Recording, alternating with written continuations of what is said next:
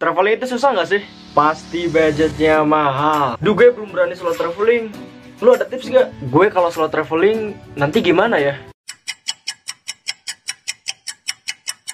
Yo, gue di video kali ini bakal kasih tahu ke teman-teman semua apa sih yang harus kita ketahui sebelum kita memutuskan untuk solo traveling. Jadi di kalangan kita itu sekarang solo traveling itu istilahnya lagi banyak banget yang pengen solo traveling. Jadi kalau misalkan kalian searching di Google atau di YouTube, pasti keluar solo traveling tips, solo traveling dan lain sebagainya. Tapi itu rata-rata dimuat di jurnal dan di video kali ini gue bakal ngasih tahu ke teman-teman semua mengenai solo traveling dan apa yang harus kita ketahui mengenai solo traveling dan kenapa harus memilih solo traveling untuk kalian semua yang memang belum pernah melaksanakan solo traveling. Jadi ada beberapa alasan untuk kita memilih solo traveling. Jadi kalau misalkan kita memilih untuk solo traveling pasti kita punya alasannya kenapa kita pilih solo traveling. Tapi yang pengalaman gue rasakan yang pertama gue itu memilih solo traveling dikarenakan um, gak punya pilihan lagi. Jadi selain dari nggak punya pilihan juga gue ngajak orang lain schedule-nya padat. Terus ditambah lagi gue pengen sendiri. Atau misalkan dalam keadaan gue emang lagi pingin sendiri. Gak punya duit galau putus cinta. Jadi kita memutuskan untuk berangkat sendiri. Karena kalau misalkan sama orang lain takutnya ribet. Oke tapi di sini gue bak nggak bakal ngebahas itu. Itu cuma prolog doang dari video ini. Jadi di sini gue bakal ngasih tahu ke teman-teman apa sih yang harus kita uh, ketahui sebelum kita memutuskan untuk solo traveler? Apakah kita um, mendingan solo traveling? Atau misalkan kita ikut grup aja untuk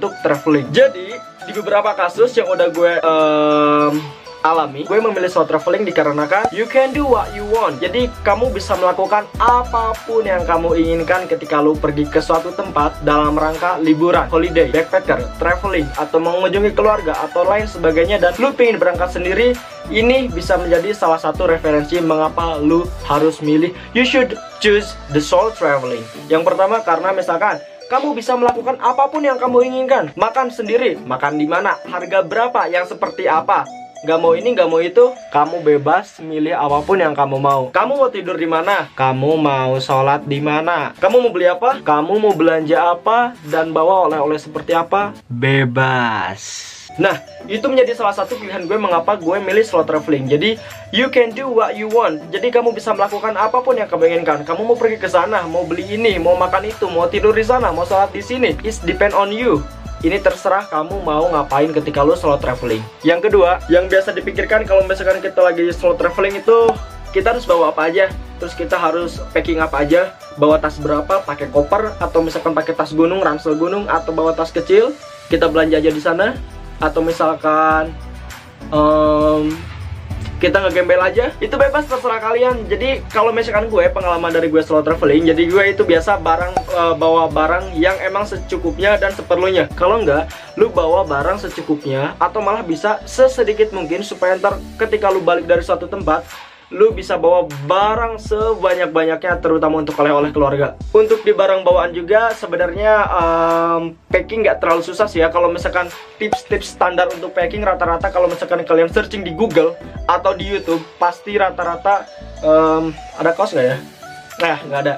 Jadi istilahnya kayak yang digulung-gulung gitu supaya jadi kayak risol gitu kecil terus ditumpuk dari yang mau pertama kita pakai yang mana kemudian yang paling terakhir bakal kita pakai yang mana. Kalau bisa jaket dipakai aja langsung. Jadi di tas atau di koper atau di ransel itu terlihat nggak kembung banget. Jadi ke kitanya juga uh, fleksibel nyaman dan nggak terlalu berat juga. Tips buat barang bawaan itu depend on you lagi. Jadi lu bisa nentuin apa aja yang mau lu bawa yang ketiga jadi kalau misalkan kita solo traveling itu kita melatih untuk problem solving. Mengapa kita berbicara mengenai problem solving? Jadi kalau misalkan kita pergi ke suatu tempat apalagi sendiri pasti kita menemukan permasalahan. Baik itu permasalahan dari luar yang menimpa kita atau permasalahan di diri kita sendiri kalau misalkan kita ambil contoh ketika permasalahan dari luar kayak misalkan kemarin gue pertama kali solo traveling ke satu tempat Nah, di situ gue itu belum tahu secara detail transportasinya kayak gimana, bayarnya berapa dan sebagainya. Permasalahannya muncul, gue harus naik bis nomor berapa sih? Bayarnya berapa, jam berapa? Permasalahan kedua yaitu datang dari diri kita sendiri. Yaitu misalkan kita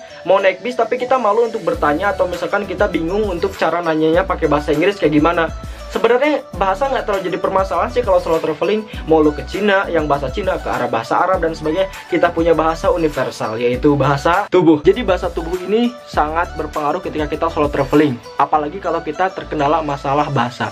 Jadi bahasa Wah, dilewat aja ya. Sebenarnya itu nggak terlalu bermasalah kalau misalkan kita pengen slow traveling dan terkenal oleh bahasa.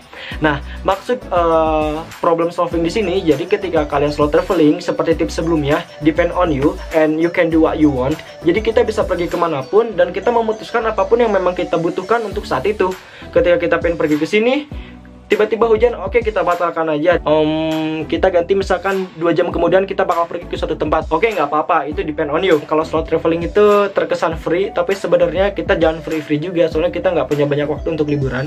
Jadi kita harus menyusun itinerary atau rencana perjalanan kita selama kita pergi ke suatu tempat. Yang keempat jadi di yang keempat ini kita harus act confident atau kita um, istilahnya sok pede lah. Jadi kalau misalkan maksud act confident di sini jadi kalian itu harus uh, percaya sama diri kalian sendiri. Ketika kalian mau pergi ke suatu tempat kalian harus percaya bahwa kalian memang di sana bisa. Soalnya solo traveling itu is, is, istilahnya itu kita harus percaya sama diri kita sendiri. Soalnya kita emang bawa sama diri kita sendiri. Dan memang di sini kita jangan sampai nervous. Nervous itu hal yang sangat tidak dianjurkan ketika solo traveling. Tapi bagaimana kalau misalkan kalian tipe orang yang suka nervous? Nggak apa-apa. Karena solo traveling ini juga uh, melatih kalian untuk communication skill. Jadi kalian bisa berbaur atau berkomunikasi sama orang lain yang memang belum pernah kalian temui sebelumnya. Apalagi kalau misalkan berbeda bahasa. Nah itu bisa menjadi salah satu um, cara untuk meningkatkan communication skill kita. Dan kemudian nervous juga kalau misalkan kita tipikal orang yang nervous kita bisa melatih kenervosan itu karena semakin kita sering melatih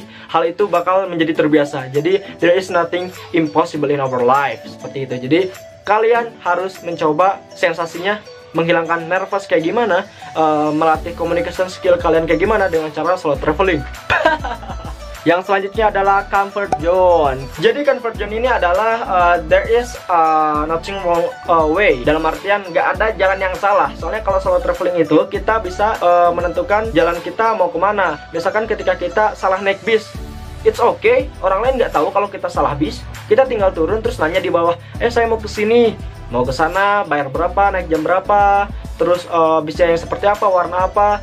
Jadi jangan takut salah kalau misalkan kalian berpikir bahwa solo traveling itu duh kita di sana takut salah ntar malu terlihat kampungan. Oke okay, nggak ada yang namanya istilah kampungan atau salah. Jadi semua yang solo traveling itu adalah benar. Tapi untuk meminimalisir itu balik lagi ke pernyataan gue sebelumnya bahwa kita harus menyusun rencana kita dan menggali informasi ke tempat yang emang kita mau pergi.